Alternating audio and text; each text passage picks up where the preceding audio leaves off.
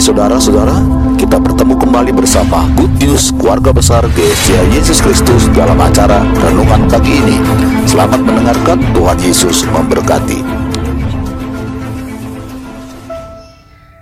Shalom, selamat pagi Bapak Ibu Saudara-saudara. Hari ini kita akan bersama-sama mendengarkan firman Tuhan Dalam kitab Efesus pasal 4 ayat ke-29 Janganlah ada perkataan kotor keluar dari mulutmu, tetapi pakailah perkataan yang baik untuk membangun di mana perlu, supaya mereka yang mendengarnya beroleh kasih karunia. Firman Tuhan pagi hari ini berbicara mengenai jangan tinggalkan noda. Ada perbedaan di departemen store atau mall-mall yang ada di satu negara dengan yang negara yang lain, salah satunya adalah di Jepang. Dan saudara akan menemui di kamar pasnya sebuah kotak yang dipenuhi dengan kantong transparan. Apakah kegunaan benda tersebut?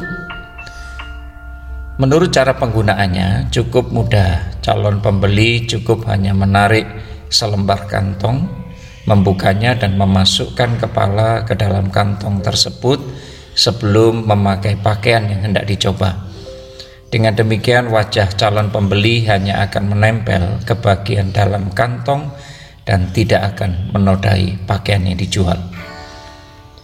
Bukan hanya dalam hal mencoba pakaian, di dalam kehidupan kita sehari-hari pun, hendaklah kita tidak meninggalkan noda di mana pun kita berada.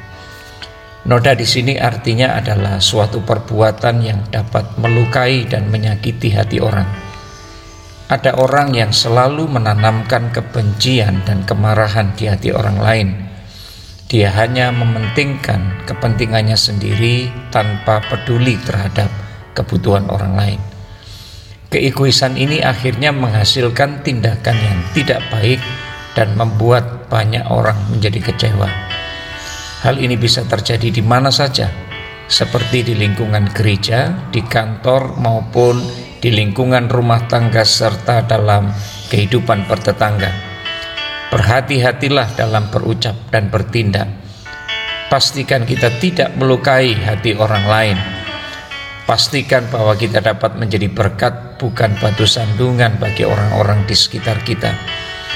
Biarlah setiap perkataan yang keluar dari mulut kita adalah perkataan yang membangun dan menguatkan, tidak menjatuhkan atau melemahkan. Dan biarlah setiap tindakan yang kita perbuat meneladani Yesus Kristus. Ingat bahwa kita tidak hanya hidup sendiri di bumi ini, melainkan ada begitu banyak orang yang juga membutuhkan kedamaian dalam hidup mereka. Maka jadilah sumber kedamaian tersebut saling menguatkan di dalam iman kepada Yesus Kristus, dan saling mendoakan satu dengan yang lain.